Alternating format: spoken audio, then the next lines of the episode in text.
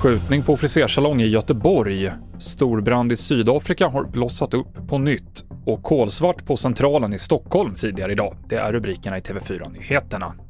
Vi börjar med julhelgens kraftiga brand i Sandviken då en villa brann ner till grunden. Polisen befarade att en familj på fyra personer hade blivit innebrända och nu bekräftar man att fyra kroppar har hittats och att allt tyder på att det är den saknade familjen. Det finns ingen misstanke om brott. En man i 30-årsåldern har skottskadats inne på en frisersalong på Hisingen i Göteborg nu på eftermiddagen. Skadeläget är oklart. Stefan Gustafsson på polisen säger att det finns flera vittnen till händelsen. Hur många vittnen? Men jag tror att det är väldigt många vittnen faktiskt. Vi har eh, haft en insats på platsen och eh, där har ingått att höra ett flertal vittnen som eh, dels har hört det här och dels sett personer lämna platsen.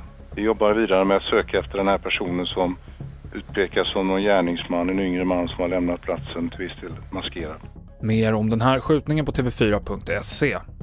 Antalet patienter som vårdas på sjukhus med covid-19 i Sverige ökar kraftigt. Ökningen sker både på IVA och inom slutenvården.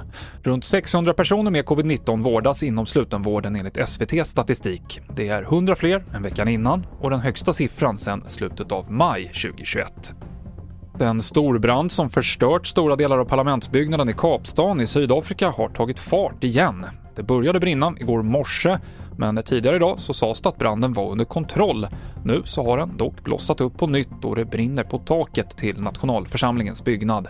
En person har gripits i samband med branden misstänkt för inbrott och mordbrand. Och ett strömavbrott gjorde att det blev mörkt i två timmar på centralstationen i Stockholm idag. Strömmen försvann för butiker och restauranger och rulltrapporna slutade fungera. Däremot ska varken tåg eller långfärdsbussar ha påverkats av det här felet. Vill du ha senaste nytt kan du ladda ner appen TV4 Nyheterna. Jag som står i studion heter Mikael Klintevall.